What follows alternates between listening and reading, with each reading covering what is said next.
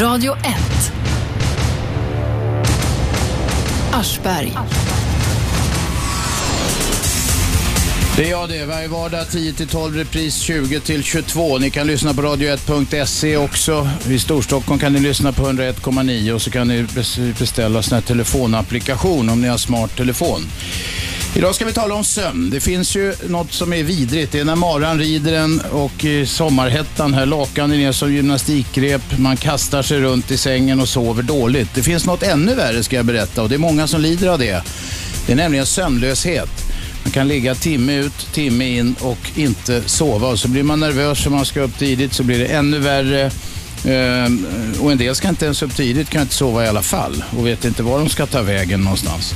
Vi ska tala om sömn. Vad är det för någonting och hur gör man eh, eh, för att eh, försöka göra något åt sömnlöshet? I studion har vi Torbjörn Åkerstedt som är sömnforskare och professor i beteendefysiologi här i Stockholm och Sture Johansson som är akupunktör med inriktning på att hjälpa eh, folk som lider av insomnia som det heter på fint språk, sömnlöshet. Vi börjar med att ställa en mycket grundläggande fråga och den tar vi börjar med Torbjörn. Vad är sömn? Vad ska det tjäna till att ligga still? En tredjedel av dygnet. Ja, det är inte stilliggandet som är det viktiga naturligtvis, det är processen under. Att bara ligga still ger inte återhämtning utan det gäller att äh, dra igång sömnmekanismen och vad det gör det är alltså återställer allt det som vi har bränt under dagen. Det handlar väldigt mycket om energiomsättning så att äh, så fort man blir vaken så ökar energiomsättningen i hjärnan och den här måste fyllas på. Det sker under dagen men det sker ännu mer under natten så man laddar upp systemet. Ja, det låter ju... Man laddar upp systemet. Men vad, vad är det rent konkret som händer då? Ja, alltså när vi bränner energi så innebär det att man bryter ner eh, energisubstanserna i nervcellerna i hjärnan. Och de här måste sedan återskapas. Och det handlar om att man, det är ungefär som att fylla på bensin. Jaha, så enkelt var det. Eh, det händer så vi tankar på natten då alltså? Exakt. Jaha.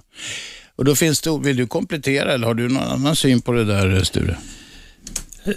Nej, det, det, Torbjörn är väl den som är specialist liksom på att kunna eh, säga vad det vetenskapliga är. Jag arbetar framförallt att behandla människor och eh, okay. att träffa människor. Och det är sömnlösa då, som, ja. du, som, ja. du, som du försöker hjälpa? Ja. ja. Eh, det finns ju olika stadier i sömn, kommer jag ihåg från skolan. Man kan slumra lite grann och man kan vara i riktigt djup sömn. Vad är det för stadier, Torbjörn? Ja, djupsömnen är ju den som vi anser vara viktigast. Det är då uppladdningen sker framförallt. Eh, sen har vi drömsömnen, det vi kallar för REM, Rapid Eye Movement Sleep. Det är då man drömmer. Eh, Rapid Eye Movement betyder att ögonen snabba, fladdrar omkring? Ögonen fladdrar, det var det första man kände igen det på. Okay. Men då förekommer också en del viktiga processer, men har inte med uppladdningen från dag till dag att göra. Sen har vi ju bassömnen, stadium 2, där det är normal återhämtning. Men som sagt, djupsömnen är turbosömn. Sen finns det skräpsömn. Det låter, djupsömnen ska vila, att beskriva det som turbosömn låter som att det går på högvarv. Ja, uppladdningen går på högvarv, allting mm. annat går på lågvarv. Jaha. Går, puls går ner, går, går eh, ämnesomsättning och sånt där Absolut. går ner? Absolut, du förlorar kanske 7-8 procent av ämnesomsättningen i hjärnan och resten av kroppen kanske 10 hjärtslag, 12 10 millimeter blodtryck. Och går ner alltså? Går ner, går ner. Jaha. Utom när man drömmer, då är man vaken igen. Så att drömsömnen, men det är ganska kort tid som man drömmer va? Ja, någonstans mellan 5 och 15 minuter varje gång. Det är inte mer på en natt? Nej, det kan faktiskt bli upp till 30 sista omgången. Man drömmer alltid mer sista omgången framåt morgonen. Man har haft någon jävligt härlig dröm, då vill man tillbaka in i den. Ja. Eh, det har jag lyckats med eh, då och då faktiskt. Man kan styra det lite grann faktiskt, det är ganska märkligt. Inte helt och hållet, men alltså man kan påverka det. Mm. Okej, okay. och, och, då, eh, alltså att man sover, det är fine, alla vill göra det, man laddar batterierna och sådär. Vad är det som karaktäriserar en riktigt bra sömn då?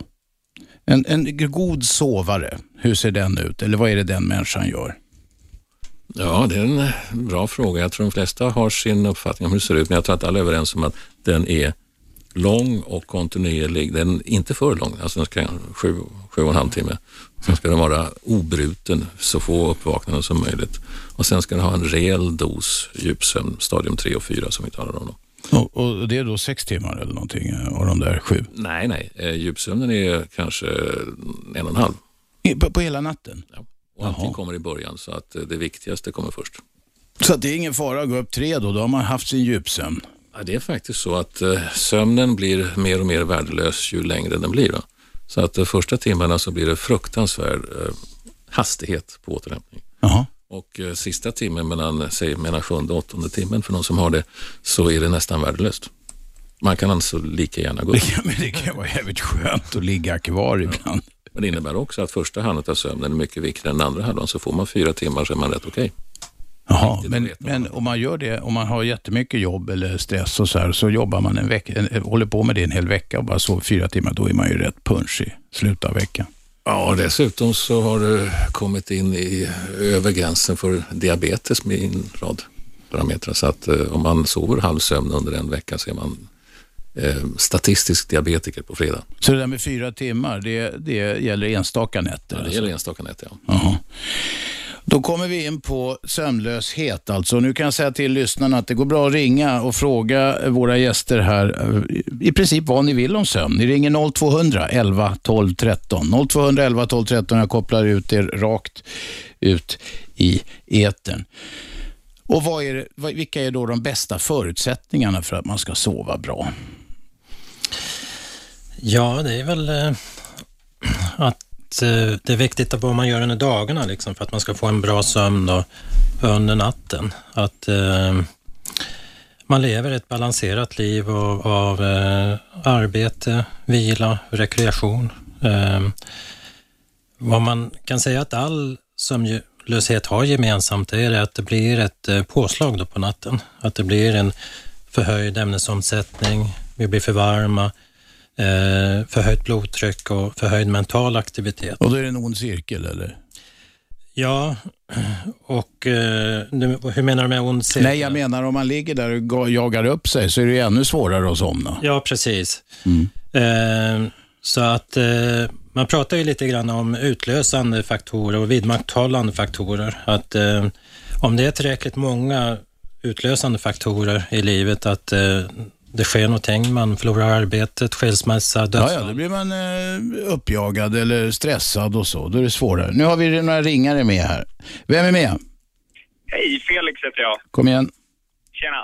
Jag tänkte bara fråga, om man drömmer att man har ont någonstans så har jag märkt att jag kan vakna många gånger och ha ont på riktigt fast jag inte hade det när jag gick och la mig. Men vänta, vad är hönan och ägget? Ja, vi frågar Torbjörn vad det beror på. Ja, Alltså det här med drömmars innehåll är ett väldigt komplicerat område, vilket man säger då när man inte riktigt vet vad man ska svara. Men det är så att man kan inkorporera smärta och allt möjligt i drömmen, men det är ingen naturlag som säger att om man eh, utsätter folk för vissa saker så kommer de drömma om just det. Men det finns en tendens till att man inkorporerar det som händer i kroppen. Så eh, visst, har man smärta så på något sätt så kanske man inte drömmer om smärta med någonting som är relaterat. Det behöver inte vara precis den grejen, utan det är saker runt omkring det som har med smär- smärta att göra. Därför i drömmen så associerar man hela tiden. Felix, var har du ont någonstans när du drömmer? det brukar vara armbågar och knän, men det är inte allt för ofta. Bra program, jag ska inte störa dig mer. Nej, okej, tack för samtalet. Hoppas du fick svar. Vem är med? Hej, det är mors lilla Lisa. Ja, Lisa, buddhisten. Kom igen. Jag kan ge några bra råd. Ja, skruva ner radion, det är mitt råd till dig först. Om man ligger och vrider och vänder sig så då, då har liksom eh, sömntåget gått. Då är det bara att gå upp och göra någonting annat. Vad ska man göra då? Och pyssla med något. Mm. Vad säger, vad säger eh, herrarna i studion om detta tips? Om man ligger och vrider och vänder sig så är det bara att gå upp. Det är, det är standardrådet. Det är det. Eh, Mest för att man ska sluta hetsa upp sig, precis som du var inne på. För att det blir värre och värre. Då är det lika bra och att gå upp, pyssla med något och hoppas att det ska komma ett nytt sömntåg. Ja, så sömntågen eh, funkar inte riktigt, men Nej. så är man uppe ett tag så blir man lite tröttare och sängen blir svalare, blir skönare att gå och lägga sig. Så att det är ett vettigt råd, absolut. Lisa, hade du några fler tips? råd. Ja, Jag får aldrig sova på fastande mage. Jag äter alltid havregröt. havregröt. men då blir man ju tjock, vet du. Säger de, står det i tidningarna. Nej, nej, nej, nej. Det, man sover på det. Jättebra. Ja, havregrynsgröt. Bra, Bra, vi tackar för Nej, tipset. jag har en sak. Ja, okej, okej. Hur kom, jag, jag har alltid haft sanddrömmar, de mest omvälvande händelser i mitt liv. Jaha, är det världens undergång och sånt där? Får jag hoppas att det inte är då. Nej. Vad beror det? Kan du svara på det? Nej men sanddrömmar, ja, ja. sanddrömmar. Ja. Finns det något svar på den frågan? Nej. Nej, det finns inga svar på det. Det är väl det så att är det så att man oroar sig för saker så drömmer man gärna om det. Och då har det en tendens att slå in, men det är inte så att man är Nej, men jag, jag har inte oroat mig, jag drömmer om det. Mm. En, min hund dog. Jag drömde om det. Men det kommer alla hundar att göra förr eller senare, så att det kan jag också drömma och då blir det en sanddröm. Vad har du för hund? Ja, Jag har en blandras och den kommer att dö. Kanske inom något år eller ett par år, men usch, det vill jag inte tala om. Då blir jag bara ledsen. Jag, jag Lisa. från Kreta. Lisa, det är bra. Fortsätt med din gåva och drömma sanddrömmar. Ring om det är något bra och börja spela på Lotto eller hästar. Då kommer du bli rik på sanddrömmarna. Jag är rik redan. Bra, hej då. 0200 11 12 13, ni som vill, ni som vill fråga om sömn. Jaha, sömnlöshet ja. Vad beror det på? Vi har talat om stress, att det händer några trista saker i livet eh, och att man eh, har svårt att sluta grubbla på det. Det har vi alla drabbats av. Finns det några andra eh, saker som kan leda till sömnlöshet? Ja, alltså stress är den viktigaste faktorn, precis som vi sa. Ja. Men eh, nummer två på listan, om man så frågar svenska folket, så hamnar udda arbetstider. Sen eh, egen sjukdom, det är så att nästan alla sjukdomar leder till sömnstörningar. Man varvar upp immunsystemet. Eh, har man eh, snuva så kan man inte andas ordentligt och då blir det mycket ytligare och sämre sömn. Så att sjukdom i sig är en eh, bortglömd faktor där, men man kopplar inte riktigt till störd sömn, alltså subjektivt sett. Nej. Vad säger, du, vad säger du om de som kommer och vill ha nålar i sig? Ja, det här 24 timmars eh, samhället är ju en bidragande orsak också. Att vi är ständigt uppkopplade, eh, datorer, tv. Eh, och att vi aldrig har någon tid till bearbetning av intryck. Eh, så att vad man behöver det är ju en, en slags eh, inmatning av, av intryck då under arbetsdagen och sen behöver man ha en viss tid varje dag när man liksom kan bearbeta de här intrycken.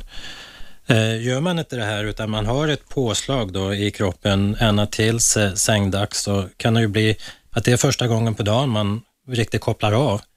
Och då kommer det här ifrån det undermedvetna upp då till ytan och, och då blir det en, en förhöjd aktivitet då i kroppen då, som gör att man inte kan eh, eh, somna in. Då. Eh, antingen att det är insomning eller att man då vaknar ett par timmar senare med ett påslag i kroppen. Okej.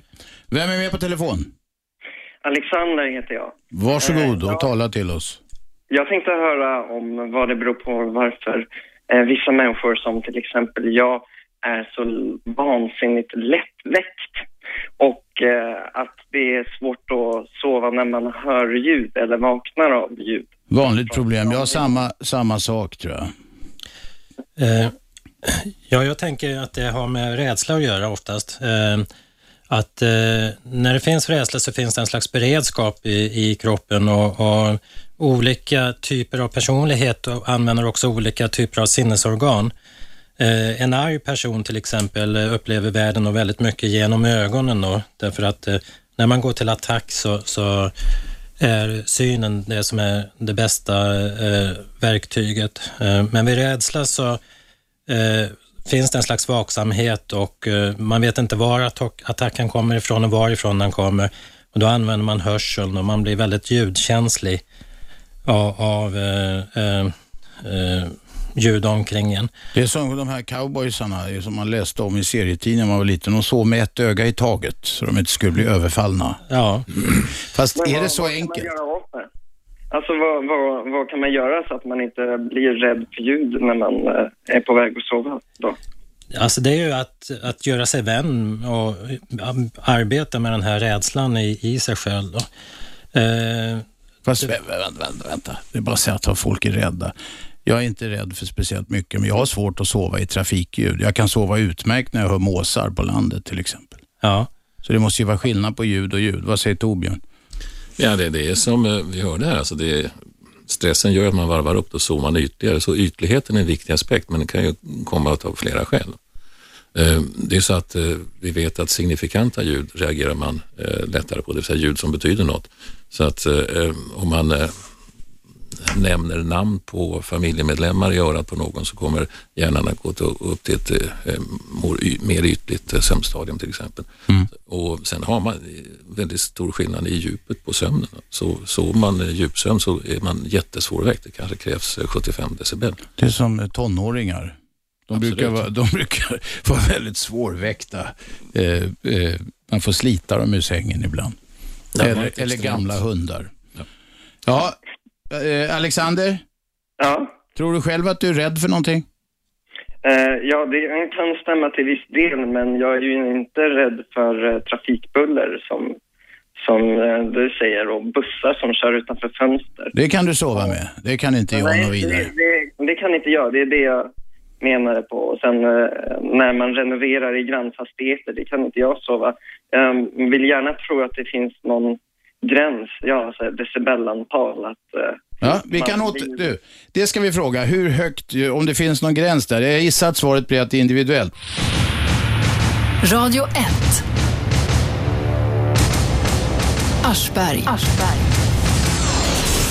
Vi talar om sömn, sömnbrist, drömmar, allt det där som försiggår eh, den tredjedel av livet eller fjärdedel eller vad det är som vi ligger i sängar. Tänk att det finns en märklig sak. Folk köper bilar för hur mycket pengar som helst, men sängar det kan man snåla på. Egentligen ska man ju ha en riktigt skön säng. Eh, det gör det väl lättare att sova? Eller vad säger, vad säger ni? Eh, det intressanta här är att eh, inga sängfabrikanter gör vetenskapliga försök med sågkvalitet.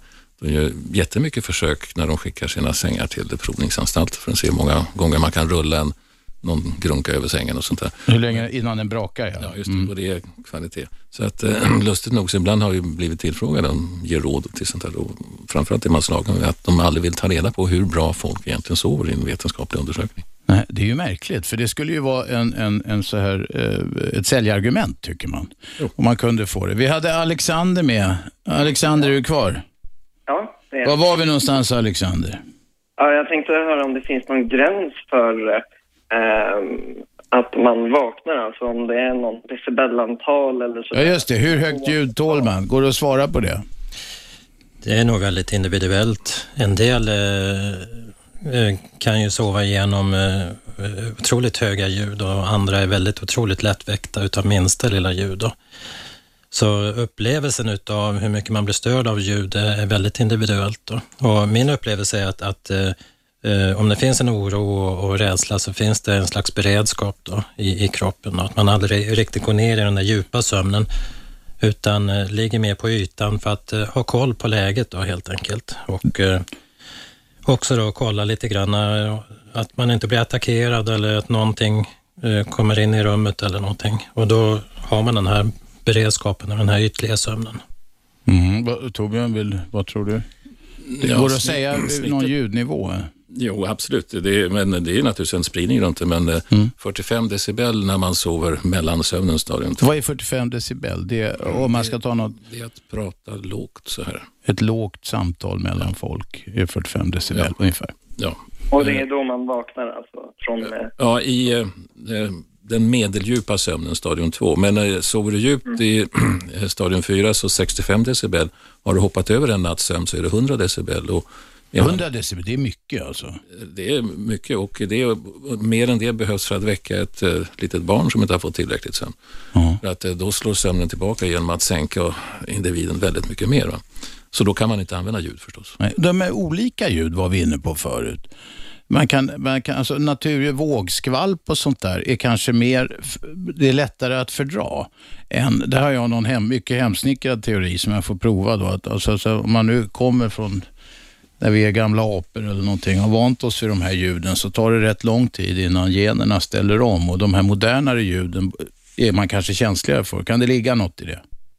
Alltså skvalpljuden har ju en ganska låg frekvens och allting som har låg frekvens gör att man sover bättre, man kopplar av mer. Okay. Så att det kan vara vad som helst eh, som är lågfrekvent, alltså 5-10 svängningar per sekund ungefär. Så mm. det sover man bra av. Också det här rytmiska har ju också en eh, väldigt lugnande effekt också. Men sen är det ju också... Om det inte är för rytmiskt. Sån här diskodunk kanske inte är så bra att sova Nej, till. nej. Mm. Alexander, är du nöjd? Ja, tack. Bra, tack. tack. Fortsätt ringa 0200 11 12 13. Vi talar om sömn och vi har Torbjörn Åkerstedt här som är sömnforskare och professor i beteendefysiologi. Och så Sture Johansson som är akupunktör och hjälper folk som eh, lider av sömnbrist. Eh, eh, sådär. Funkar det att stoppa nålar i folk? Sover de bättre? Ja, de flesta gör faktiskt det. Eh, Det är oftast att man kommit in i en väldigt negativ cirkel och av eh, en slags nästan på panikkänsla av att inte kunna sova. Och det här kan ju bilda onda cirklar av, av eh, att man inte... Man blir helt enkelt blir mer och mer rädd för natten. Då. Eh, Så att eh, sömn, eller akupunkturen kan hjälpa till då att, att eh, få den här personen att komma in i ett parasympatiskt tillstånd. Vad är det för något? Alltså ett mera avslappnat tillstånd. Okej. eh, Där det också finns utrymme för återuppbyggnad och, och både mentalt och, och Mm. kroppsligt. Då. Vem är med på telefon? Hej, Vad heter du? Thomas. Kom igen Thomas. Jag har en fråga. Jag, jag sover väldigt dåligt och eh, har eh, somnar lätt men vaknar nästan alltid tio minuter över fyra. Jaha, då kan vi börja ställa klockorna efter det. Ja, men mellan tio och sju. Sen är det jättesvårt att somna om. Så, och sen så, jag vet inte hur mycket sömn man behöver så här, men När går du och lägger dig då? ja, jag brukar lägga mig vid till elva, tio, elva, elva. Somnar vid elva, halv tolv. Och sen vaknar alltid där runt strax efter fyra. Inte för att jag pissnödig och sånt där utan eh, ja, jag bara vaknar. Sen är det svårt att somna. Första delen av natten är ganska djup eh, sömn, eller? Eh, ja, då, som, då sover jag nog rätt så bra. Jag kan vakna vid vid två där någon gång rätt ofta också. Men då brukar jag kunna somna om direkt. Men när jag vaknar vid fyra där, då, då går det fan inte att somna om. Så då, ja, då brukar jag lägga mig och läsa och kanske kan somna framåt sju och sån där en halvtimme. Men, men sen funkar jag som vanligt hela dagen sen och utöver det så att säga. Ja. Så att jag är inte trött och sådär på dagen. Radio 1. Aschberg. Varje vardag 10-12 på 101,9 i Storstockholm. Ni kan också lyssna på radio1.se eller via sån här telefonapplikation om ni har smart telefon som det heter. Vi talar om sömn, vi talar om sömnbrist och eh, alla andra fenomen som är förknippade med sömn. Vi har Torbjörn Åkerstedt här i studion. Han är sömnforskare och professor i beteendefysiologi. Och så har vi Sture Johansson här som är akupunktör och specialiserad på att hjälpa folk med eh, sömnproblem. Vi har diskuterat vad sömn är. Det är ett sätt att ladda batterierna. Med på telefon hade vi Thomas. Thomas, är du kvar? Ja, det är Ja, det är bra. Och vi, du, du undrade hur höga ljud... Nej, jag undrade liksom om det är något... Jag sover ju väldigt då, eller jag sover fyra... Nej, förlåt, det var du. du, Ja, du nu, är jag, nu har jag stått och sovit här helt enkelt. Just det. Du sover för kort tid tror du själv. Ja, jag vaknar vid kvart över fyra där nästan varenda morgon. Så det är en fem timmar någonting du sover då? Ja, precis. Max fem timmar skulle jag tippa på. Ja, vad säger experterna? Ja, det som händer att man sover beror på att eh, man har varit vaken väldigt länge och sen måste man återställa det som har eh, brutits ner när man har varit vaken och där finns det väldigt eleganta matematiska funktioner för. Så att, vad som händer de första fyra timmarna är att man får väldigt mycket av återhämtningen. Och det här är, du sover ju 10 till 4 så det blir nästan 6 timmar. Men vid fyra snåret så har du en bottennivå i dygnsrytmen. Så att du har alltså sovit 75 procent utav eh, eh, energiomsättningsbehovet, eh, uppladdningsbehovet. Eh, och sen när, eh, ämnes, när eh, dygnsrytmen eh, byter vid fyra snor på morgonen, fem för andra, eh, så börjar den biologiska klockan dra upp ämnesomsättningen. Och då har man alltså ganska litet behov kvar av, av att sova. Så att, eh, att du sover på det här sättet det beror alltså på att den biologiska klockan börjar väcka dig. Och Ja, du har inte tillräckligt stort behov. Just precis. Lider du av det här tycker du eller? Nej, jag, nej, jag, nej, det tycker jag inte. Frågan är väl om, man, om det är bra eller inte bra så, så att säga. Man kan ju vara glad då. Då har du två, tre timmar eh, mer tid på dig än andra människor som eh, envisas med att sova till sex och sju Ja. och åtta på morgnarna. Ja, precis. Man får hitta på någonting att göra den tiden bara. vi kanske ska lägga till något som är väldigt viktigt i alla de här diskussionerna. Det är att så länge man känner att man fungerar bra dagtid så har man inget sömnproblem. Ja, okej. Funkar det bra på dagarna då? Eller går du och vinglar som en sömngångare? Nej, jag tycker det funkar bra på dagarna. Man kan bli lite slö sådär när man kommer hem efter jobbet och käkar mat och sådär. Då kan man bli lite slapp kanske. Men, men eh, nej, jag funkar bra. Det gör jag. inga Här, det var en intressant. Vad beror det på att man känner sig sömnig när man har käkat? Ja, matsmältningen tar ju massa energi och att det blir ju ett, eh, förmodligen ett blodsockerfall där eh, efter matsmältningen. Men om man tycker att man stoppar i sig mat borde man få höjt blodsocker? Ja. ja det som händer är att eh, så fort du stoppar i dig käk så slår ju insulinet till och det trycker bort allt blodsocker in i cellerna. Okay. Och det är därför det är inte bra att häva i sig massa söta saker för då får man ett snabbt blodsockerfall.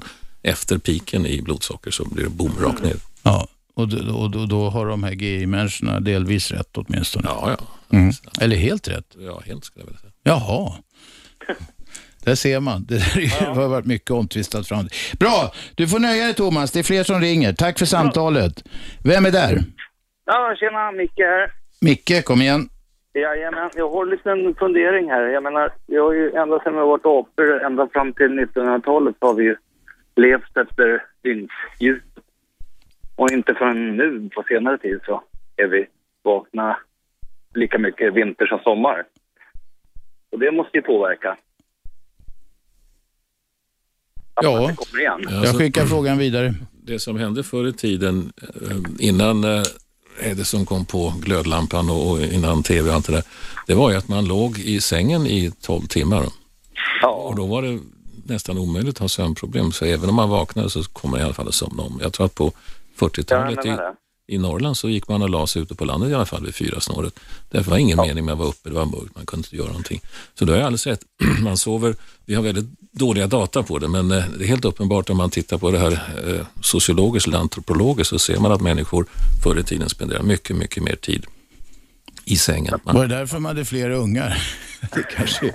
Ja, men det var också fler personer i sängen då. Ja, det var de. Ja, så ja. det var, just det, det var trångt också. Det var ja. också svårt att sova då kanske. Ja, men det måste vara därför man är vårtrött och det finns det där, tror jag. Ja, det finns det nog olika teorier om, vårtrötthet. Jag tror att eh, alltså hösten ska man eh, enligt kinesisk medicin då, eh, verkligen hänge sig åt sin egen trötthet och, och och eh, vila väldigt mycket för att eh, kvaliteten på våren då ska kunna bli bättre. Då. Ja, ja. Eh, tar man ut alla energier liksom i, i november, december så, så, finns det inte så mycket energi kvar när naturen liksom går igång och, och man ska bli mer aktiv och, och, sånt där och då känner man att man inte riktigt eh, orkar följa med den här rörelsen upp. Då. Och, eh, hos vissa människor kan det uppstå då depression. Då. Ja, att man inte kan följa med i den här vågen. Men sen finns det någon som säger att det beror på D-vitaminbrist och inget annat. Ja, Torbjörn? D-vitamin finns det i pilsner typ. Ja, just. Pilsner, ja det vet jag inte. Det är möjligt. men i, i, sol, i sol finns inte i sol, men sol, solsken lär vara bra. D-vitaminbrist är bara en eh, spekulation därför att man har väldigt lite av eh, höst och vårdepression på Island där man äter mycket fisk. Men det är, inte, det är inte bevisat, men eh, huvudeffekten här, det är delvis naturligtvis handlar om eh, energi och sånt på hösten, men det är förändringshastigheten i ljuset där den biologiska klockan inte hänger med och det släpar in en massa eh, melatonin som är ett nedtryckande hormon då, när klockan inte hänger med. Då borde det synas tydligare långt upp i Norrland än det gör eh, nere i Skåne till exempel. Ja, och hela vägen ner till eh, Medelhavet så minskar ju då eh, andelen säsongsbetingad depression eller vårtrötthet och hösttrötthet. Okej. Okay. Fast det bryts lite grann upp mot Norrland för där har man ju snön också. Ja, som gör att det blir ljusare de korta timmar som solen skiner. Ja, exakt, så maximum ligger någonstans i Mellansverige. Då. Ja. Micke? Ja? Fick du svar på frågan? Jag fick svar på frågan, ja. Okej. Okay. Ja, vi talade om ljudtid. Då tackar vi för samtalet. Fortsätt ringa 0200 11 12 13. Vi talade om ljud tidigare i en reklampaus här eh, och då, då berättade Torbjörn att eh, något som fascinerade mig i alla fall, detta med till flygplansbuller. Det visar sig att eh, det inte stör sömnen så mycket. Nej, nu blir förstås en massa människor arga, men mm. det finns en rad studier, brittiska och tyska studier, som visar att eh, eh, väckeffekten av ett överflygande plan är nästan noll. Eh, man mäter då eh, decibelnivån inne i rummet och man eh, mäter EEG under sömn och sånt. Så att det brukar bli en väckning. väckning. Så att det, det, finns alltså en viss väckningseffekt, men en relativt liten. Inte så stor som en del folk som bor i närheten av flygplatser hävdar. Nej, eh, men jag tror att en del av eh, klagomålen beror på att man blir helt enkelt förbannad över att inte kunna kontrollera sin eh, ljudmiljö.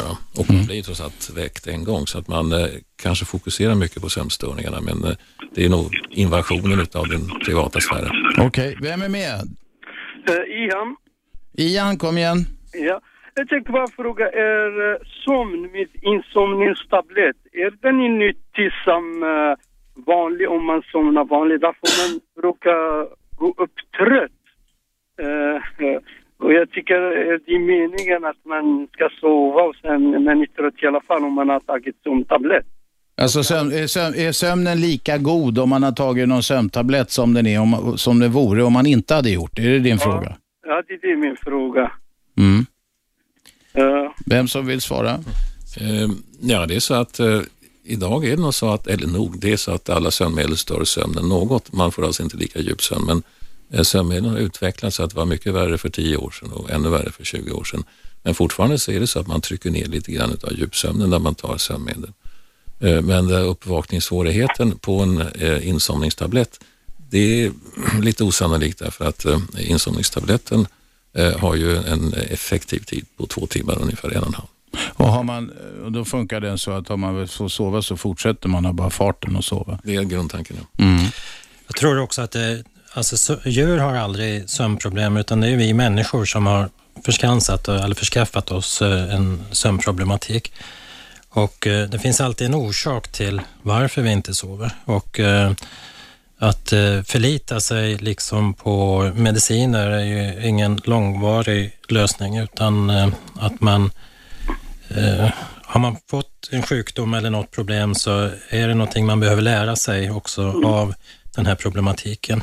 Ja, nej, därför jag tänker, många gånger jag sover bara fem timmar och jag är piggare att gå till jobbet och sådär. Men sen om jag tar som, som tablett nästa dag, jag är helt eh, slut alltså. Och så där jag tänker, fan, fan vad är meningen att ta som tablett när jag orkar inte jobba nästa dag. Istället jag kan sova bara fyra, fyra timmar eller fem timmar. Men jag orkar i alla fall gå till jobbet och, och ha ork. Det är det jag tänkte fråga.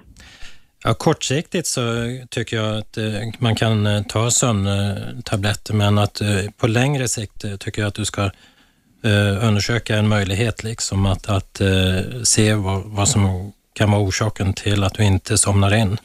Okej. Det kanske är fel sömntablett. Ja, eller också är det så att man är väl överkänslig. Det är en väldigt stor skillnad i känslighet sömnmedel och alla mediciner naturligtvis. Ja. Igen, du får prova någon annan metod. Du får göra tio armhävningar eller något som de sa i lumpen. Okej, jag provade att ta in tv i sovrummet sen det gick inte bra. Sen... Nej men TV, då ligger du och tittar på TV och så blir du förbannad på någon. Nej, därför man vill koppla av. Därför jag mitt problem att när jag ligger i sängen, jag kan vara trött i soffan, men sen när jag går och lägger mig, konstigt, det kommer all tankar och planering och allt möjligt. Jag kan inte koppla av, du vet. Det är det jag måste hela tiden säga, vad ska hända imorgon, vad ska hända nästa, jag ska göra så, jag ska... Och det är det som stör mig, du vet. Ja, jag känner igen det.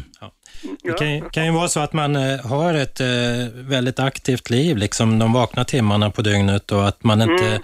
ägnar så mycket tid åt att eh, eh, bearbeta eh, livet och, och problem i sig själv. Och att eh, då vid insomningen så är det kanske första gången då på hela dygnet som man eh, går in i en djupare avslappning i sig själv. Och då kommer det här upp ifrån det undermedvetna och blir aktivt, eh, alla de här tankarna och eh, att eh, systemet då går igång då av det här. Så, att, eh, eh, Så om- rådet, rådet till Ian blir? Rådet är att eh, ägna den lite av den vakna tiden av, eh, av avslappning, djupavslappning, eh, och också reflektion kanske lite över livet. Eh, Eller att ägna det åt att planera medan man är vaken istället för att göra när man ska sova. Ja. det är det som är problemet att man jobbar de där dagarna. Okej, ja, men tack så hemskt mycket. Ja, bra. Tack för samtalet. Sverige, du är bäst som finns här. Äntligen en vänlig människa. Tack Ian. Tack. Radio 1. Aschberg. Det är jag, det är vi i etern eh, 10-12 varje vardag på 101,9 i Storstockholm på radio1.se över hela världen faktiskt. Och det är också via en telefonapplikation. Så att ni som befinner er i Louisiaderna, den vackra skärgården i Papua Nya Guinea, ni kan skaffa den där telefonappen och lyssna på detta. Urban ringde in och fråga, eh, frågade eh, följande. Eh, vad kan man göra åt att man sover bort all ledig tid? Han sover för lite i veckorna och så sover han bort all ledig tid, säger han. Har experterna något svar? Enkelt recept. Ja, hur lite sover han? Då? Nej, vi, han ville inte hänga kvar. Han ville bara kasta fram frågan. Så att vi får resonera i allmänna termer. Det är ju så vi fungerar.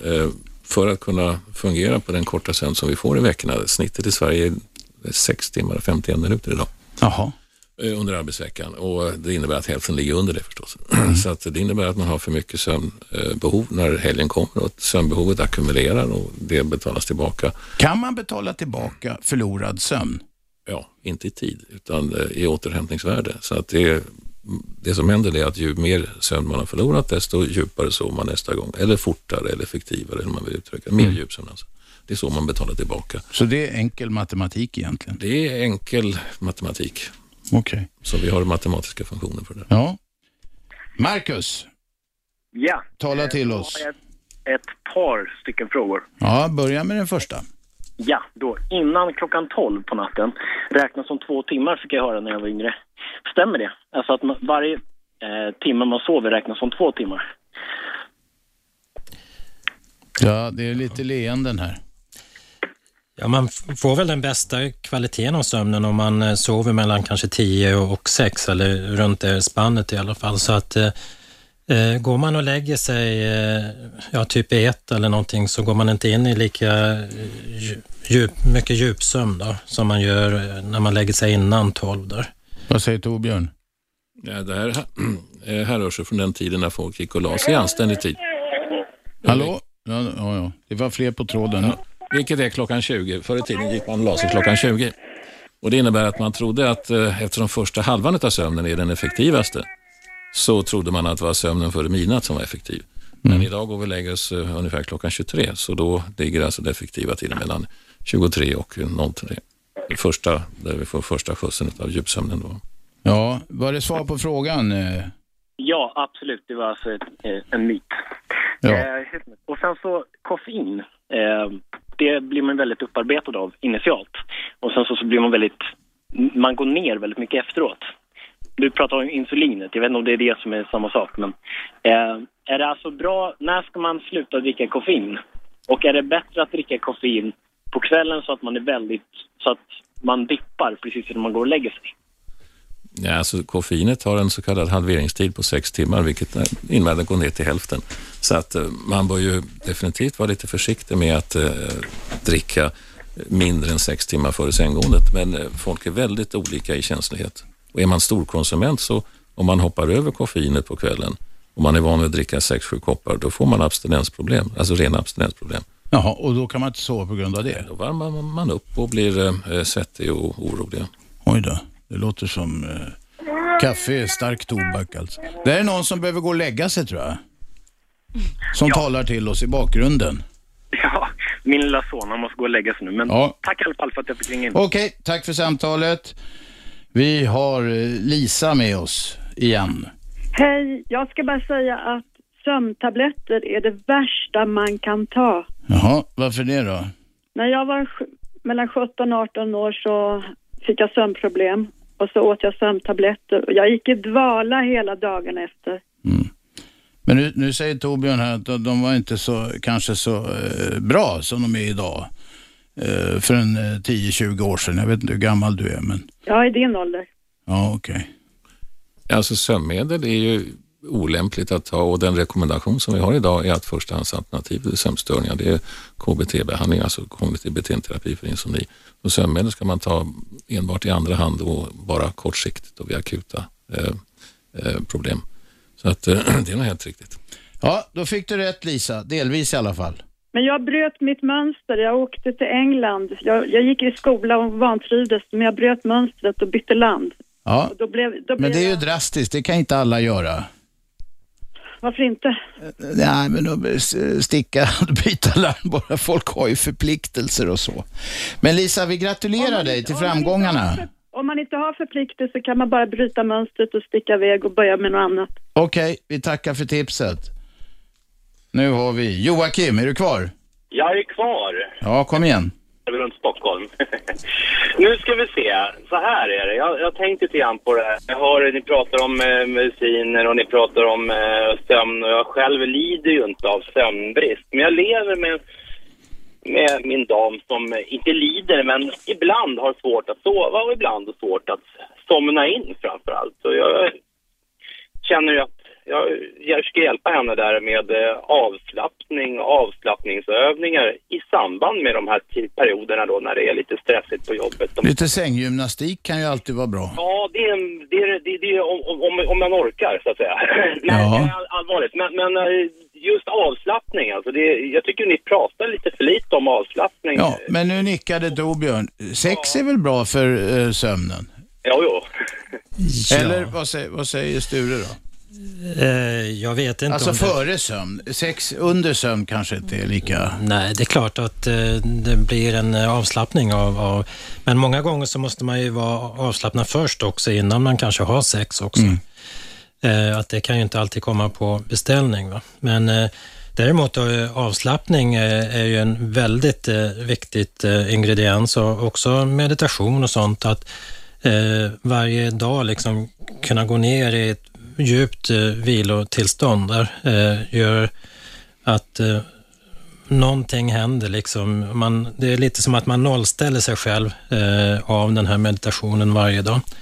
Det finns eh, faktiskt eh, inspelade avslappningsröster, alltså med eh, musik bakom och en person som talar och eh, ger instruktioner för hur man ska slappna av.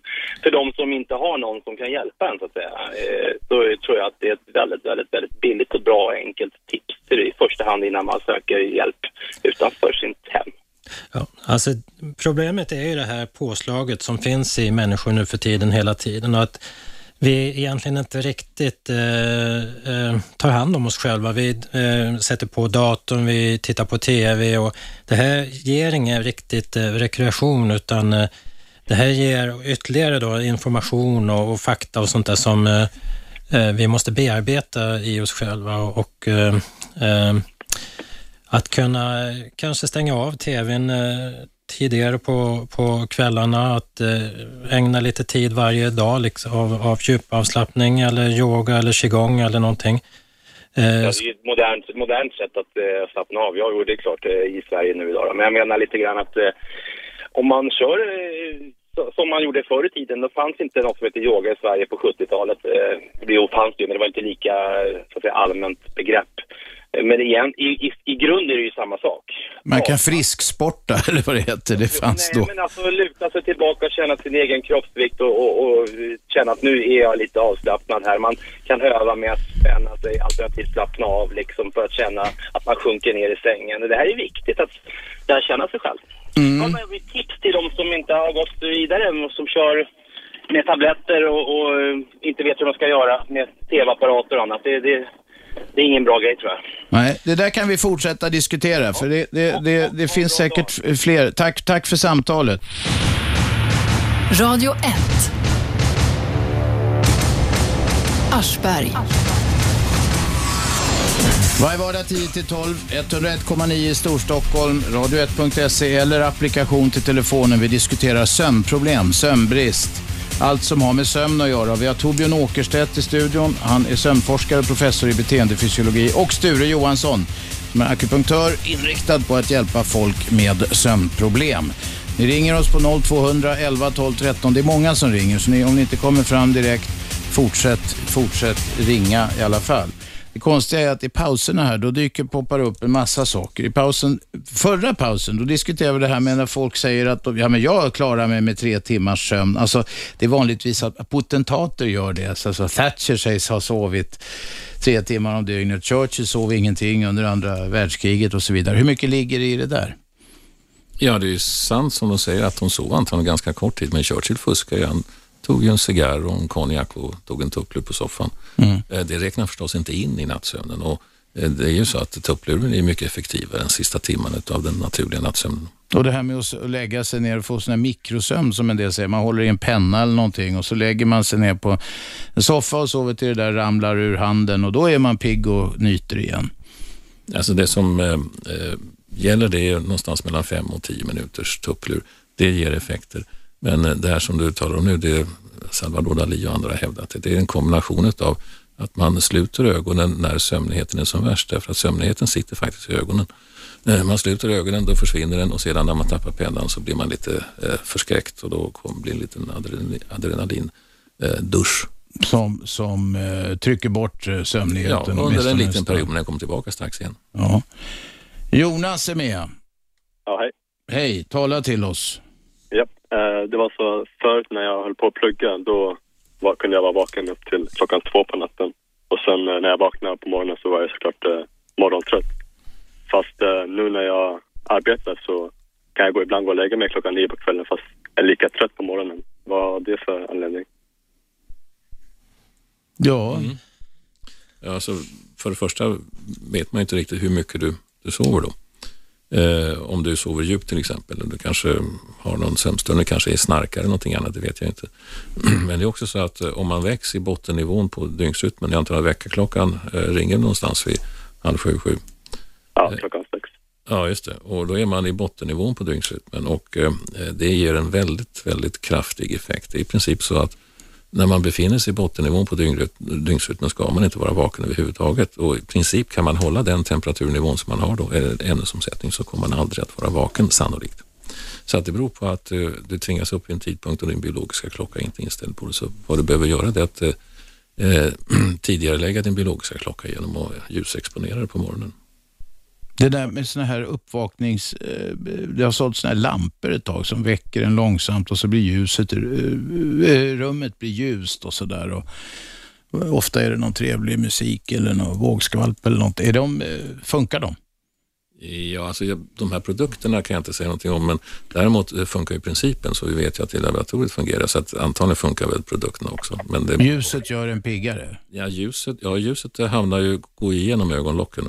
Mm. Eh, kanske 7-8 procent av ljusstyrkan. Sen hamnar det på näthinnan, sen hamnar det i centrala delen av hjärnan och det är en stressor. Den stör sömnen lite grann eh, och den här störningen gör att man sover ytligare och det är lättare att vakna om det är ytlig sömn. Mm. Det är en bra idé. Fick du svar? Ja, jag fick svar. Jag undrar bara om jag kan ta en kort fråga bara. Ja, visst. Kom igen. Eh, det är så att jag, snart kommer jag börja jobba ett nattjobb också innan det här jobbet som jag känner nu. Och då kommer jag sluta ungefär tre vid natten och sen börjar jag igen klockan åtta. Är det värt att ta en så kallad powernap eller ska man fortsätta vara vaken? Vad tycker ni? När, när slutar du sa du? Jag ska sluta tre på morgonen och börja jobba åtta på morgonen. Nej. Ja. Det låter inget bra. Så det är fem timmars... Eh... Jag slutar klockan fem, alltså med alltså själva dagjobbet. Ja, så förlåt, då missförstod jag dig. Du slutar... 05? Alltså dagjobbet klockan 17, ja. Ja, och sen då? Ja, dagjobbet slutar klockan 17 och sen börjar jag klockan 10 på kvällen och kör till tre på morgonen. Ja, men alltså då är naturligtvis rekommendationen att ta en lur. Nu kommer det vara svårt att ta en lur vid den tiden eftersom biologiska klockan kommer att störa lite grann. Men för att du ska klara de här fem timmarna på natten bra så behöver du en lur innan. Du kommer att vara lite seg, men du kommer att ha igen det under nattpasset.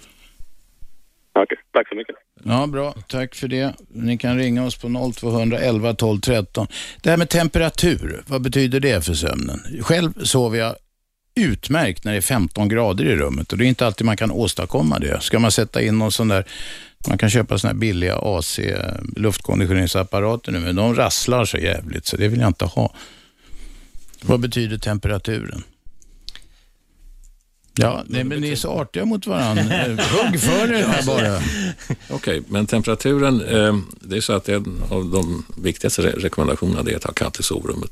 Och det beror på att förutsättningen för att sova överhuvudtaget är att man eh, reducerar ämnesomsättningen. Det gör man genom kyla och eh, inte genom att man eh, så att säga ligger naken i ett kallt rum för att eh, då blir man stressad och sover man inte utan det ska in genom munnen och eh, rumstemperaturen bör ju vara någonstans mellan 13 och 16-17 grader då sover man väsentligt mycket bättre. Men man ska ha ett varmt täcke på sig? Man ska ha ett varmt täcke därför att man, det komplicerande här är att man ska ha lite varmt eh, runt huden, lite, lite varmare än vad huden egentligen är. Då får man en insomningsreflex kan vi kalla det för. som gör att man, ja, man blir snabbt av med värme, man går ner i djupsömn och eh, det finns alltså receptorer ute i huden som eh, meddelar sig med hjärnan och talar om att det är lite varmt nu. Och då tror hjärnan att det är en bra idé att dra igång sömnen och då gör den det. Mm. Sen finns det ju också eh, värme som kommer inifrån oss själva. Eh, och det är ju också väldigt individuellt och väldigt olika mellan olika personer. Eh, om, som en kinesisk medicin, om man säger att man lider av ginbrist då, så blir man, kan man bli väldigt varm då, att man, ämnesomsättningen då ökar då på natten och att man eh, får en förhöjd temperatur på natten. Ehm, och eh, då gäller det ju naturligtvis att, att eh, se till att man också balanserar upp sig själv och gör de förändringar i livet för att man ska få en bättre inre temperatur i sig själv också. Men vad är ginbrist för något? Jag vet vad det är om det är brännvin, men, men, men alltså det du snackar om. Ja, man pratar ju om yang och yin och det är en balans då mellan två olika. Så i, i det här fallet, om man till exempel arbetar eh, alldeles för mycket under alldeles för lång tid utan eh, tillräckligt med vila så får man till slut ginbrist. Då. Och det här kan handla om flera års av eh, intensivt arbete. Okej, okay, men är inte det en omskrivning för att man bara är trött? Man har jobbat för mycket? Ja, alltså man behöver den här vilan då för att uh, kunna återuppbygga kroppen. Då. Ja. Att, ja. Men det är väl en självklarhet? Ja. Okay. Det är inte en självklarhet för alla människor. Nej, inte för de som är i ekorrhjulet. Den här Nej. snubben som ringde nyss, han skulle jobba både dag och natt lät det som. Det var ja. ingen vidare dessäng. Han borde kanske då hitta ett jobb där han har möjlighet till en sammanhängande dygnsvila som det heter. Var det samma arbetsgivare så är det där inte tillåtet heller.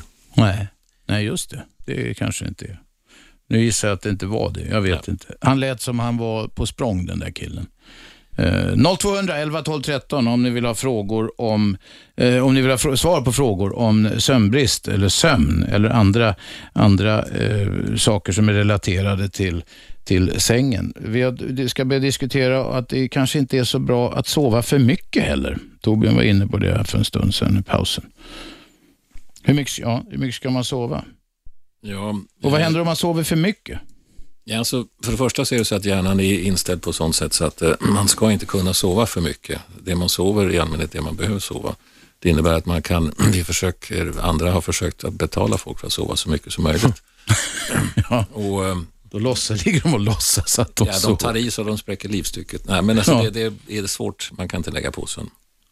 Men det man ser från epidemiologiska studier från experiment är att sju timmar verkar vara en gyllene regel för genomsnittspersonen eh, som är något sånär vid, vid god hälsa. Det är faktiskt så att om man tittar på, det här, gör man via experiment, man låter folk sova två, fyra, eller sex, eller åtta eller tio timmar per natt i ett par veckor och sen ser man vad som mm. händer.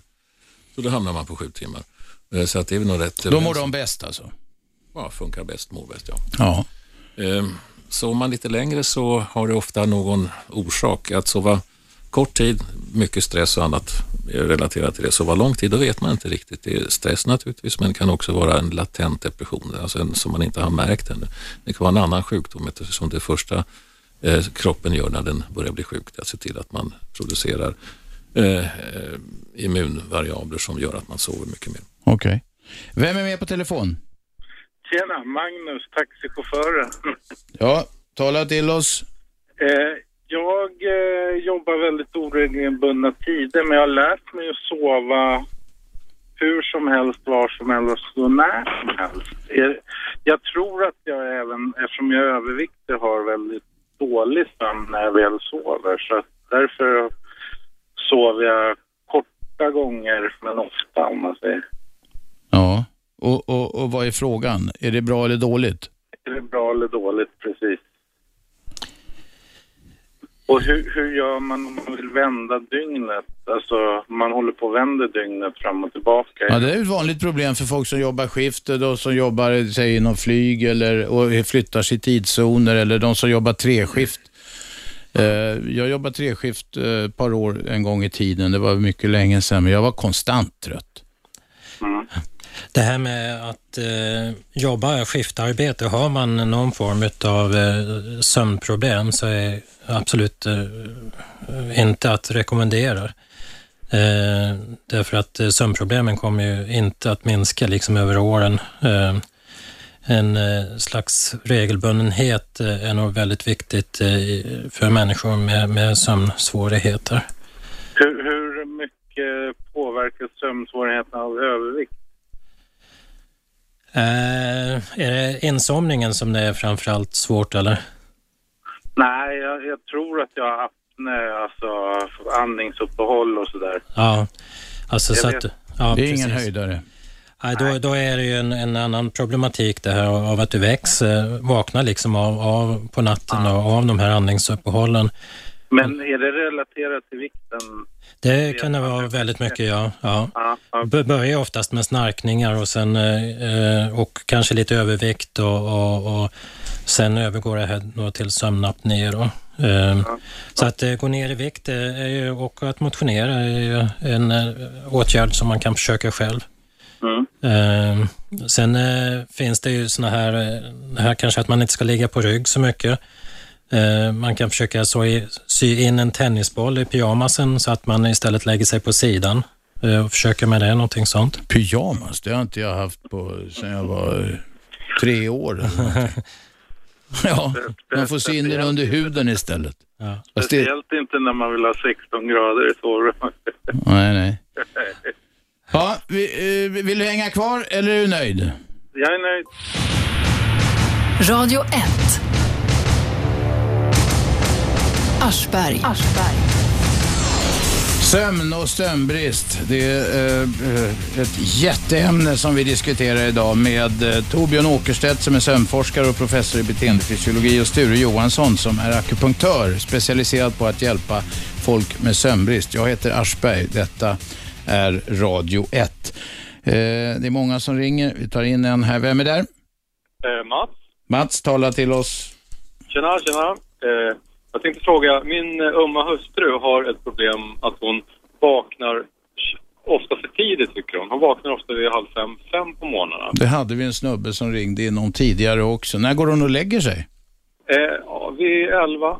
Mm.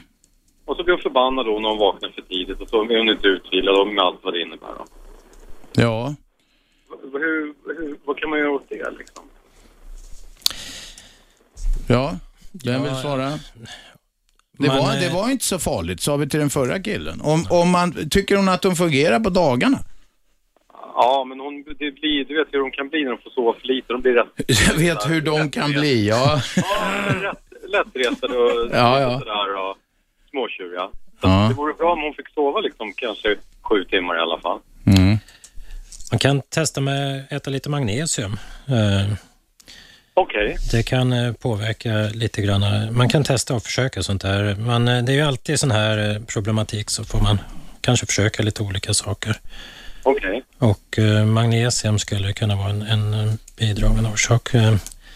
Ja, just det. Sen vet jag inte, är det så att hon sover bra tidigare på natten eller? Ja, hon, hon som, när hon går och lägger hon somnar på en gång och inga problem på det viset. Ja. Och sen vaknar hon upp och sen är det som att hela systemet liksom bara går igång. Det, att, eh, Ja, just det. Precis. typ att här kan jag inte ligga och skrota utan det finns massa saker att göra lite grann. Ja, det kan säkert vara att det är lite undertryckt stress och grejer. Det vet man ju. Ja. Eh, det är ju... Alltså mycket av den här sömnproblematiken, jag återkommer till det här, är ju att, att leva ett mer harmoniskt liv av vila och, och eh, aktivitet och, under dagarna. Att, eh, Ja, eh, det kan ju bli det här, liksom ett, ett, det här ständiga påslaget. Man sitter på möten och man säger det fixar jag, det gör jag och liksom det här. Och man är väldigt liksom viljestark och ambitiös, är hon där? Ja, absolut. Ja. Så att eh, då är man lite grann på hugget liksom på något sätt. Eh, och, och tyvärr så är det väl så att man kanske blir på hugget klockan eh, halv fem också på morgonen. Då, att här kan jag liksom, att hela systemet går igång då alldeles för tidigt. Då, va? Ja, just det. Egentligen så kanske man skulle vilja behöva sova några timmar till, men kroppen liksom på något sätt går igång då. Och, och det här. Men då är det värsta man kan göra ligga kvar och för tro att man ska bekämpa det här. Det är bättre att gå upp och göra något. Då. Ja, just det. Ja, ja Torbjörn. Ja, men det var Vänta, vänta, Ja. det kommer lite varianter på svar här. Ja, alltså det är lite grann samma svar som vi var inne på tidigare. Alltså Mm. Det som händer är att man har återställt kanske 75-80 procent av sömnbehovet och sen kommer dygnsrytmen att eh, varva upp ämnesomsättningen så man kommer att vakna det skedet. Sen kanske det är ljust i rummet, rummet också. Mm. Eh, Men eh, sånt här är ju hanterbart om man nu vill det. det är, eh, till exempel äldre som har problem av samma typ. Det är så att eh, sömnbehovet minskar ju med åldern, man vaknar mycket tidigare med ökad ålder. Men en del som tycker det är besvärligt skulle kunna till exempel använda sig av ljusbehandling på kvällen, inte bara på morgonen. För då kommer man att senare lägga den biologiska klockans inställning så man kommer att sova längre tid på morgonen om man verkligen vill göra det. Om man tycker att det är något problem med den här relativt korta sömnen man får. Ja, just det. Testa, testa att tända alla lampor. Ja, Sätt dem rakt i plytet en stund. Ja, eller en behandlingslampa. Man behöver upp till kanske fyra gånger vanliga ljusnivån i ett rum. Okej. Det. Ja, men vad fint. Då provar vi med det. Bra, tack för det. Du, en grej som en kompis frågade mig. Det är något, finns något som kallas sömnparalys. Och det, enligt den här beskrivningen så drabbas så, så är det så att man ligger och är vaken på något vis, men, men känner att man inte kan röra sig. Vad är detta? Ja, det som händer det är att eh, normalt sett under drömsömnen så har man en, eh, man är förlamad därför att eh, hela drömmen fi- finns i, i huvudet. Alla signaler som behövs för att utföra det som man gör i drömmen är på väg ut. Men de blockeras tack och lov i sista stund innan de går ut. Så att man inte, om man tror att man är i ett slagsmål så börjar man inte veva eh, i, i sängen. De som har problem med den här hämningen, de kommer att börja veva i sängen. sängen. Men för att återgå till, till eh, huvudproblemet Ja. här så är det så att eh, hos en del så funkar förlamningen längre. Eh, den är slöare att slå av. Därför så fort man går ifrån drömsömn till eh, stadium 1 eller 2 då, så ska den här slå av. Men är den lite seg i det här så kommer man att vakna i det därför att det är alltid ett litet uppvaknande efter drömsömnen. Och när man känner det här så känns det naturligtvis ångestladdat när man inte kan röra någonting. Men det tar ett par sekunder men det känns säkert som timmar nästan när man drabbas av det här. Ja, så det kan vara väldigt obehagligt, men det är inte så farligt alltså. Nej, det är inte farligt alls. Men... Nej. Okej, sen snackade vi om bilförare. Eh, det är ju nämligen så att det, kan, det är väldigt skönt att kunna somna i sängen. Det är mindre bra när man somnar vid olämpliga tillfällen, till exempel när man ligger i 100 knyck på en motorväg. Det håller du på att forska om nu va? Jo, och eh, vi kan väl säga att eh, eh, risken är väl ungefär på den nivån som man får vid 0,5-0,8 promille när det gäller att, så att säga, framföra fordonet. Så det är lika farligt alltså att, att dricka långt över den tillåtna gränsen, det är eh, eh, i nivå med att köra trött. Ja, och då talar vi faktiskt om extremt trötthet, det man får när man har kört ett par timmar på sennatten. Eh, Man måste närma sig dygnsrytmens botten, bottennivå för att det ska vara riktigt farligt. Och då kan man nog säga att eh, i stort sett alla som kör vid den tiden på dygnet är livsfarliga. Men det intressanta är, för att följa upp på det som alkohol här, det är om du kombinerar det här så får du alltså inte additiva effekter, du får multiplikativa effekter. Det vill säga, om man tar ett järn då, för man tror man ska pigna till, så blir det bara värre. Ja, det räcker nog med en öl. Ja. Om du kombinerar det med att köra bil klockan fem på morgonen i ett par timmar Mm. eh, så får det, om alkohol och eh, eh, sömnbristen vardera har kanske en multiplikation av 10 vardera när det gäller risken för att köra av vägen. Oj då. Så för ihop de här så blir det 1000, 1500, 2000 gångers risk. Oj, oj, oj. Så att det är olämpligt att dricka och vara trött kan man säga. Ja, ja det, det visste vi, men att det är väldigt, väldigt olämpligt fick vi veta nu. Vem är med på telefon? Det är Marcus. Marcus? Eh, jag tänkte fråga, hur mycket kan en människa göra i sömnen? Alltså kan man funka som en vanlig... Ja, sömngångeri kommer vi in på nu. Ja, alltså Eh, det finns ju två varianter. Dels sömngångeri som du nämnde och dels det man kallar för eh, REM-sömnstörning. I sömngångeri så är man ju halvt i dvala, inte medveten men nästan på gränsen till medveten. Man kan utföra saker på ett väldigt klumpigt och konstigt sätt fast väldigt eh, aparta saker. Då. Medan, drömsöm, medan eh, eh, REM-sömnstörning, eh, då släpper hämningen eh, när det gäller alla ut, utåtgående signaler. Eh, och Det innebär att man kommer att agera ut sina drömmar vad de nu än innehåller så man kommer att kunna resa sig ur sängen och springa in i väggen och vad som helst. Men du, jag märker när jag har hållit på att somna, man att glida in i sömnens skärgård eller vad man ska kalla det, då händer det ibland att man rycker till. Man tror man, man ramlar i drömmen och så rycker man till och där ser man ju på hundar ofta som ligger och sover. De kan ju börja springa barn. i sömnen. Om man läser sagor för barn till exempel, då är man väldigt uppmärksam på rycket för då vet man att då kan man sluta läsa. Men alla, alla har det här. En del har det väldigt hårt och kraftigt så att de störs utav det, men andra eh, har det bara lite lagom så här, lite små ryckningar. Okej, och det är inget att bry sig om? Nej. Nej. Om man inte sparkar frugan till exempel för att man tror att man har ramlat eller något. Det kan ju bli problem där. Vem är med på telefon? Ingen som orkar vänta. Vem är med här? Hallå, Daniel heter jag. Ja, Jag tänkte höra hur mycket sömn kan man spara? Eh, alltså min sambo jobbar natt ibland och hon, hon eh, tycker att det, hon kan liksom sova i förväg och därmed spara lite sömn. Kan man göra så? Eller liksom, eh, ja hur funkar det? Kan man, man sätter in lite sömn på banken och så. Ja, precis. Och sen tar man ut den när man jobbar natt sen. Funkar det så? För fem år sedan skulle jag sagt nej. Alltså man, man kan spara på ungefär eh, 16-20 timmars sikt. då. Men nu finns det ett par studier som visar att om man överdoserar sömn under några nätter så kan man klara eh, nästa dygn utan sömn mycket bättre.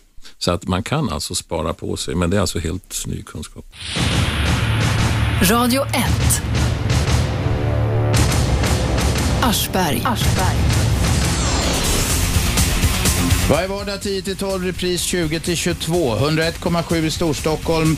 Sveriges nya pratradio, Radio 1, går också att lyssna på via radio1.se eller telefonapplikation som ni kan importera gratis om ni har sån här smart telefon. Vi talar om sömn och sömnproblem. Vi har Torbjörn Åkerstedt som är sömnforskare här. Han är professor i beteendefysiologi i Stockholm. Och så Sture Johansson som hjälper folk med nålar, akupunktur, om de eh, vill ha bot mot eh, sömnproblem. Vi har Tom med oss här. Kom igen Tom. Hallå Robert. Eh, jag har en fråga som jag skulle göra riktat till Torbjörn och det har inte så mycket med sömn att göra utan jag skulle mest vilja veta var någonstans kan jag hitta eh, forskningsbaserad litteratur kring det här ämnet? Så jag har försökt läsa på en hel del men eh, det finns så mycket flummeri kring det här, just det här. Ja, Ja, vår hemsida. var ni på hemsidan? www.stressforskning.se Vad härligt att höra. Och i alla fall så kan du höra av dig om du inte hittar det du vill. www.stressforskning.se. Tack för det. Så har vi då eh, Kari. Kari, tala till oss. Ja, hej. Eh, Det har snackats så mycket att man ska sova på nätterna och allt sånt där. Så jag undrar, hur påverkas om man kan ta en liten siesta eller stupplur på dagen? Om jag säger till exempel att jag sover mellan fyra och sex timmar på nätterna.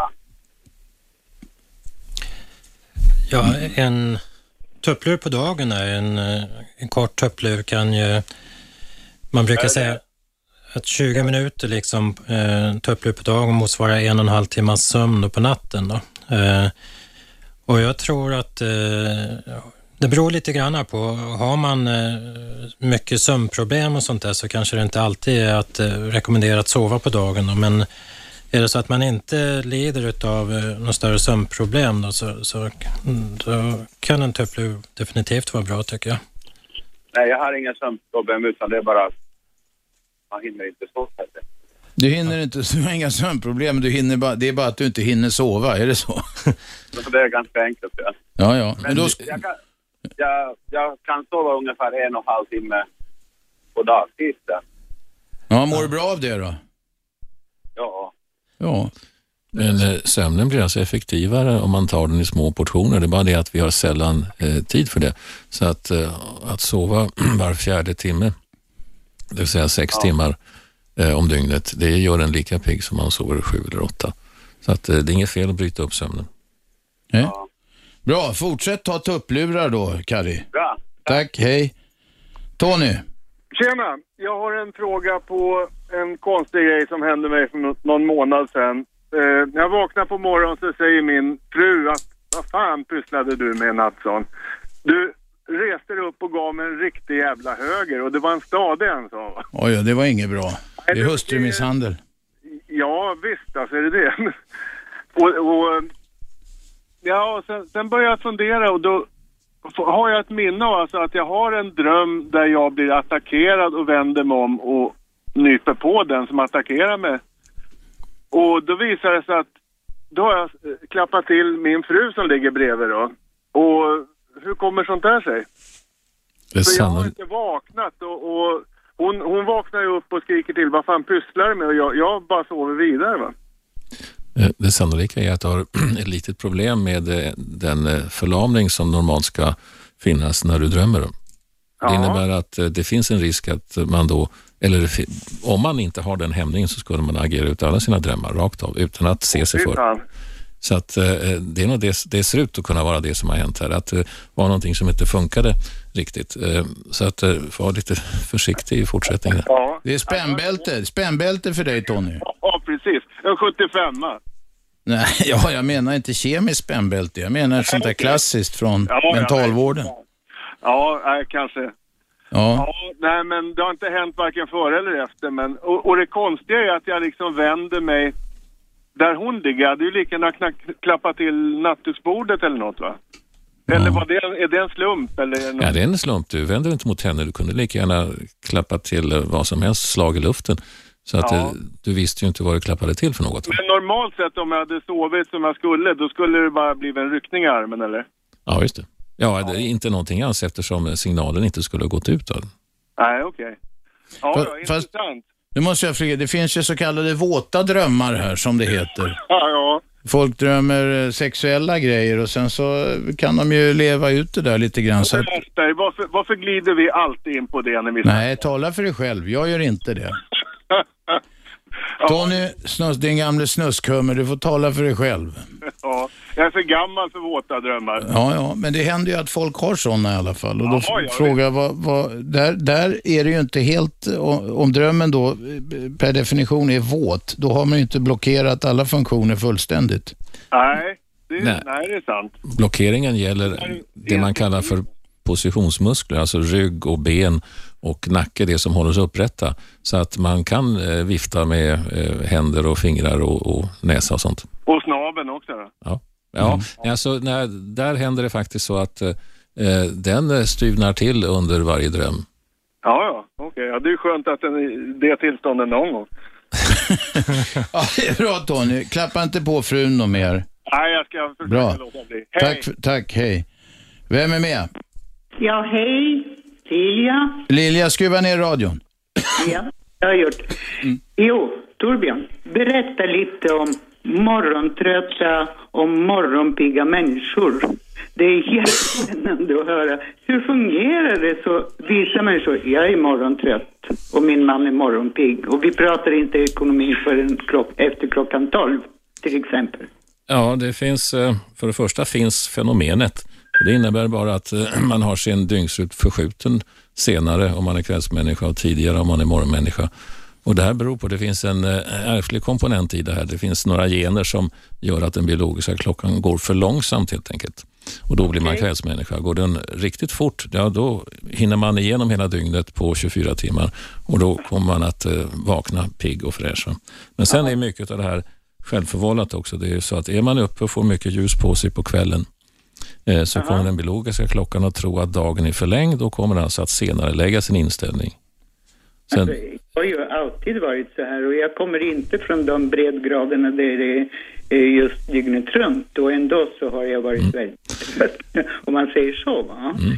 Eh, men, men du menar att det här är ärftligt? Ja, det är en del är ärftligt men en del är självförvållat. Alltså en kombination där så att det, det är osäkert vad man ska skylla på i varje enskilt fall. Men det finns, då, det, då stämmer det alltså att, att folk är byggda för olika långa dygn så att säga? Ja, ja. ja. ja. Och det gäller att hitta en partner som är lika trött eller lika pigg, eller hur? Ja, såvida man inte kan komplettera varandra och täcka olika delar av dygnet. Absolut. Min man är morgonpigg och jag är morgontrött, men vi har varit gifta i 46 år, så det är inga problem. Nej, han, får gå, han, får, han får sköta brasan då medan du sover och tvärtom? Ja, han är taktisk, han är psykolog, så det är inga problem. Okej. Okay. Tack för det. tack, tack Lilja. Hej då. Ring 0211 12 13. Vi ska ta lite reklam, vi hinner med något, något samtal här. Långa dygn, hur långt, hur långt kan... Om vi ställer frågan så här. Jag är också morgontrött nämligen. Eh, om man inte är byggd för 24 timmars dygn, hur långt dygn kan så säga, man vara byggd för? Kan man vara byggd för ett 30 timmars dygn eller ett 16 timmars dygn? Förstår du vad jag menar? Ja, alltså någonstans mellan 23,5 och eh, säg 30. Okej, okay. så stor skillnad kan det vara? Alltså. alltså problemet är att de här studierna de, har, de är väldigt komplicerade. Det innebär att man stänger in folk i någon månad så får de leva efter sin egen dygnsrytm. Eh, och det, alltså, det finns inte så mycket data då, men det finns kanske ett 150-tal studier på en person. Ja, det är väl 150 studier, det är väl rätt mycket. Men... Jo, men det är en person i varje. Ja, så jaha, nej, okej, okej. Vem är med på telefon? Ja, hej. Eh, Det här är Lennart. Hej. Historie-Lennart. Ja. Ja, jag tänkte det här gamla motto som man sa förr i världen att ta en kvällspromenad innan tv slog igenom. Och när jag var barn så gick man ju ut med föräldrarna och man mötte ju bekanta och så vidare. Och jag tycker mig att jag praktiserar det själv att ta kvällspromenad. Jag sover mycket bättre. Jag tänkte höra vad herrarna säger om det i studion. Ja, att eh, promenera, det gör ju att man bearbetar saker väldigt bra. Eh, eh, själva den här fysiska aktiviteten, att, att förflytta sig framåt, hjälper också till att, att eh, tankarna liksom också eh, flyttar sig framåt och bearbetas på ett bra sätt. Parapatetiska skolan som man sa förr. min erfarenhet måste jag säga, för jag brukar gå ut med jycken vid elva tiden på kvällen, det är att man kanske nästan är rätt sömnig när man går ut, så blir man pigg av den klara och svala kvällsluften. Och så får man liksom börja om och bli trött igen. Jag tycker man får ett syrebad så där man kan göra lite djupandningar och sen när man kommer hem då har man klarnat tankarna som han säger där och då sover man mycket mer avspänt och jag tycker jag sover djupare på något vis, inbillar jag mig i alla fall, jag kan ha fel.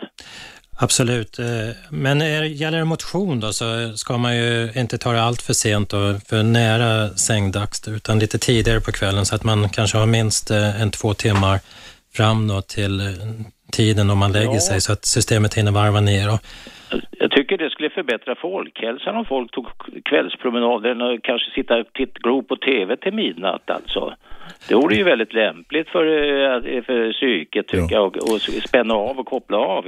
Det finns en eh, gammal undersökning där att vi i Sverige då, i snitt tittar tre timmar på TV varje dag och i Japan så var det fem timmar varje dag man tittar. Eh, och eh, jag tycker själv att det finns eh, bättre sätt att eh, spendera livet på.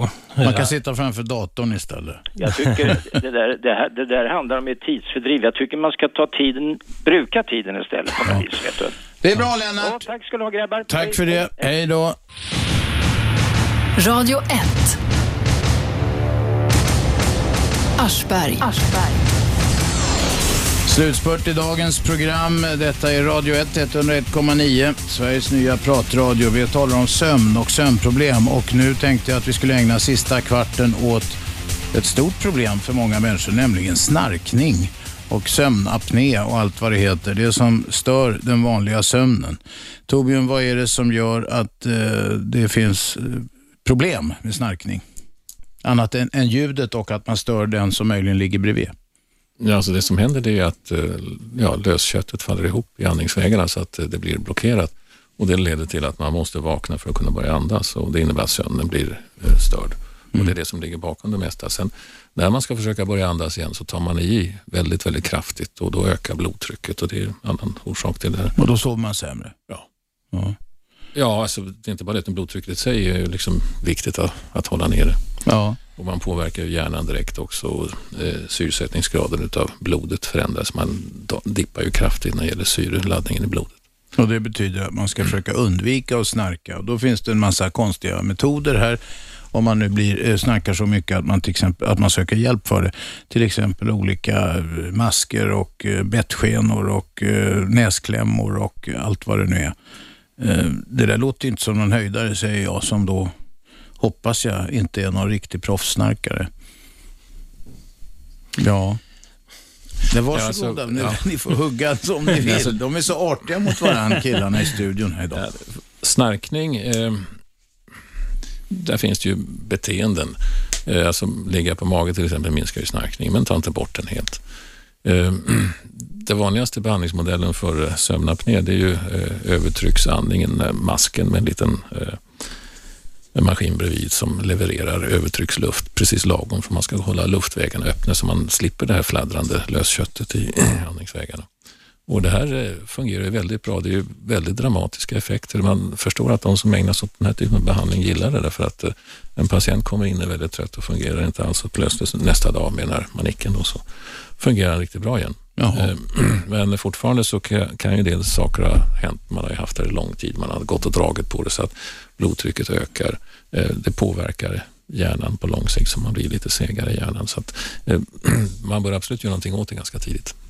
Så, ja, okej. Har man problem, var söker man hjälp? Går, går man till vårdcentralen? Man går till vårdcentralen och det finns, eh, i motsats till insomnibehandling så finns det väldigt många ställen nu för eh, snarkbehandling eller apnébehandling. De här operationerna som gjordes tidigare, eh, där man skar eller svetsade eller vad man nu gjorde i, gomseglet, det, det är inte så pop, poppis längre. Nej, det är ju, det är ju så att det är inte en etablerad behandling riktigt idag, annat än väldigt speciella och, och extrema fall.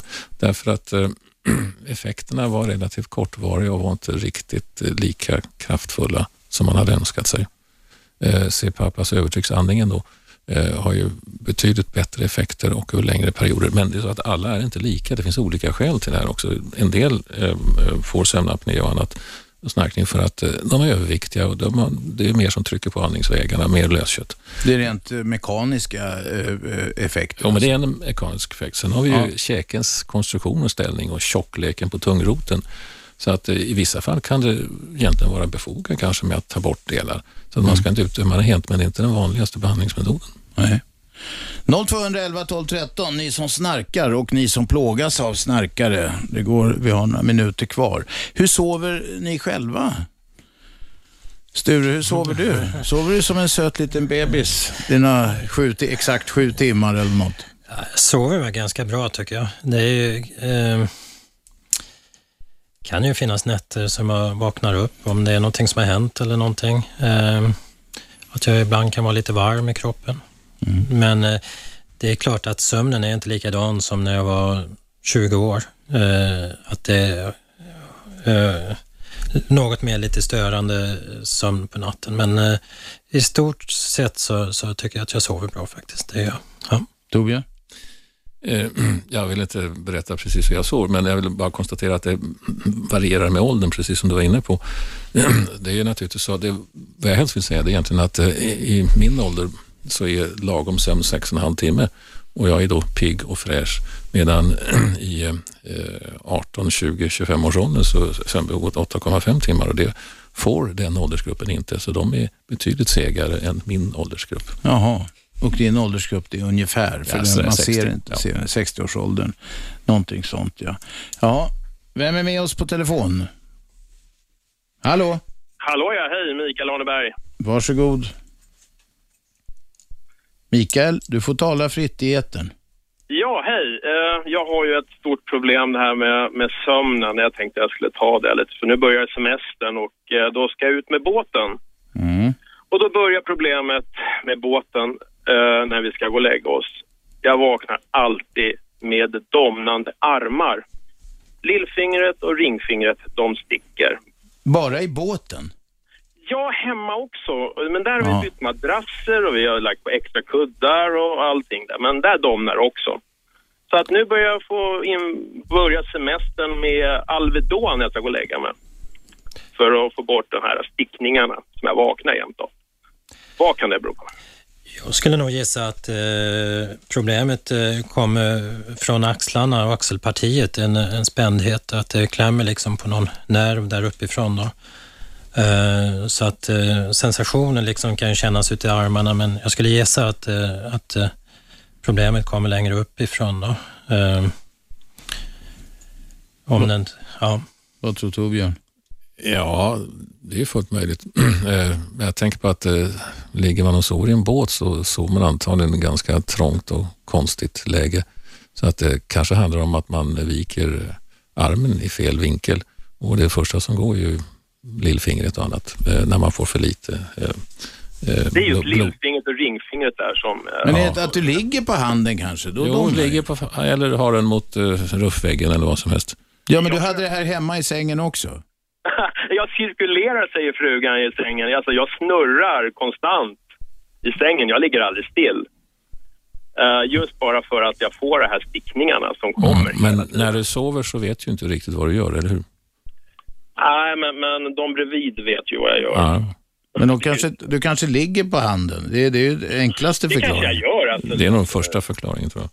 Mm. Men, men just att man får de här, att man vaknar med domnande armar varje natt, alltså det, det är lite småjobbigt faktiskt. Mm. Jag skulle försöka behandla axlarna lite grann. Ska jag gå till någon naprapat då eller någonting sådär? Försöka få ordning på det där eller? Ja, testa det får du se. Ibland eh, får man försöka olika saker för att eh, kunna se en lösning liksom, på en problematik. Så gå en eh, två, tre gånger och se om det blir någon förändring. Och sov inte på händerna, ligg inte på händerna för det, det är obekvämt. Det ska jag ta mig. Bra, tack, hej. Ja, då ska vi, ska vi sammanfatta det här, för vi har en två minuter kvar. Vilka är era respektive bästa råd till de som har problem med att sova? Vi börjar med Sture. Ja, en balanserad livsföring. Eh, att vi har, lever i ett samhälle där vi får alldeles för mycket stress, eh, alldeles för mycket intryck framför allt. Vi matas eh, med fakta, information eh, av omgivningen och eh, att vi varje dag spenderar lite mera tid eh, med tvn avstängd, datorn avstängd, eh, gör en djupavslappning eh, eh varje dag, eh, motionerar eh, framförallt eh, tidigare på dagen då. Eh, eh eller också tidigare på kvällen också. Eh, Sömnlösheten är ju ett, bara ett symptom på någonting som är i obalans och eh, att vi arbetar att kunna hitta mer, mer en harm, ja, balanserad tillvaro i livet. Okej, okay, det var akupunktörens eh, tips. Då har vi sömnforskarens. Ja, jag har checkat av listan här så jag ser några saker, några hål här som ska förbi. Jo, eh, det vi inte talat om det är sömnbegränsning. Ju kortare tid man sover, desto bättre sover man. Det här är huvudkomponenten egentligen, skulle jag vilja säga, i KBT-behandling för insomni. Att se till att man inte sover mer än kanske fem sex timmar. Då får man automatiskt nästa sömn som blir djupare. Det är en grej. Så väckarklockan alltså, det kan vara ett redskap? Just det. Mm. Det, det fungerar definitivt. Sen får man se till att man inte tar i för mycket så man blir sömnig dagen därpå. Men regelbundenheten tror jag inte vi har nämnt. Alltså det är viktigt att ha en regelbunden rytm därför att det ska vara samma tryck på sömnmekanismen från dag till dag, annars blir det dragspelseffekter. Och Sen ska man vara försiktig med tupplurar som är effektiva, men eh, tar man en tupplur så reducerar det det sömnbehov som man har byggt upp under dagen, så kommer man att sova ytligare på, på kvällen. Eh, kyla vi pratat om, väldigt viktigt. Svalt sover Ja, kallt skulle jag vilja säga. Ja, ja, kallt. Och, eh, kanske sätt att blockera tankar, det har Sture varit inne på eh, på olika sätt nu. Men det finns också enkla tekniker att göra det här på. Att gå in och stoppa in en, en bild på sommarstugan istället för de idéer som tränger sig på. Allt det här ältandet är ju som Sture säger, det är ju grundbulten i insomni. Mm. Tack för det mina herrar. Eh, tack eh, Torbjörn Åkerstedt och tack Sture Johansson för att ni kom hit. Tack för att ni lyssnade och tack för att ni ringde. Vi är tillbaka imorgon klockan 10 eh, som vanligt på vardagar. 101,9 Radio 1 Sveriges nya pratradio.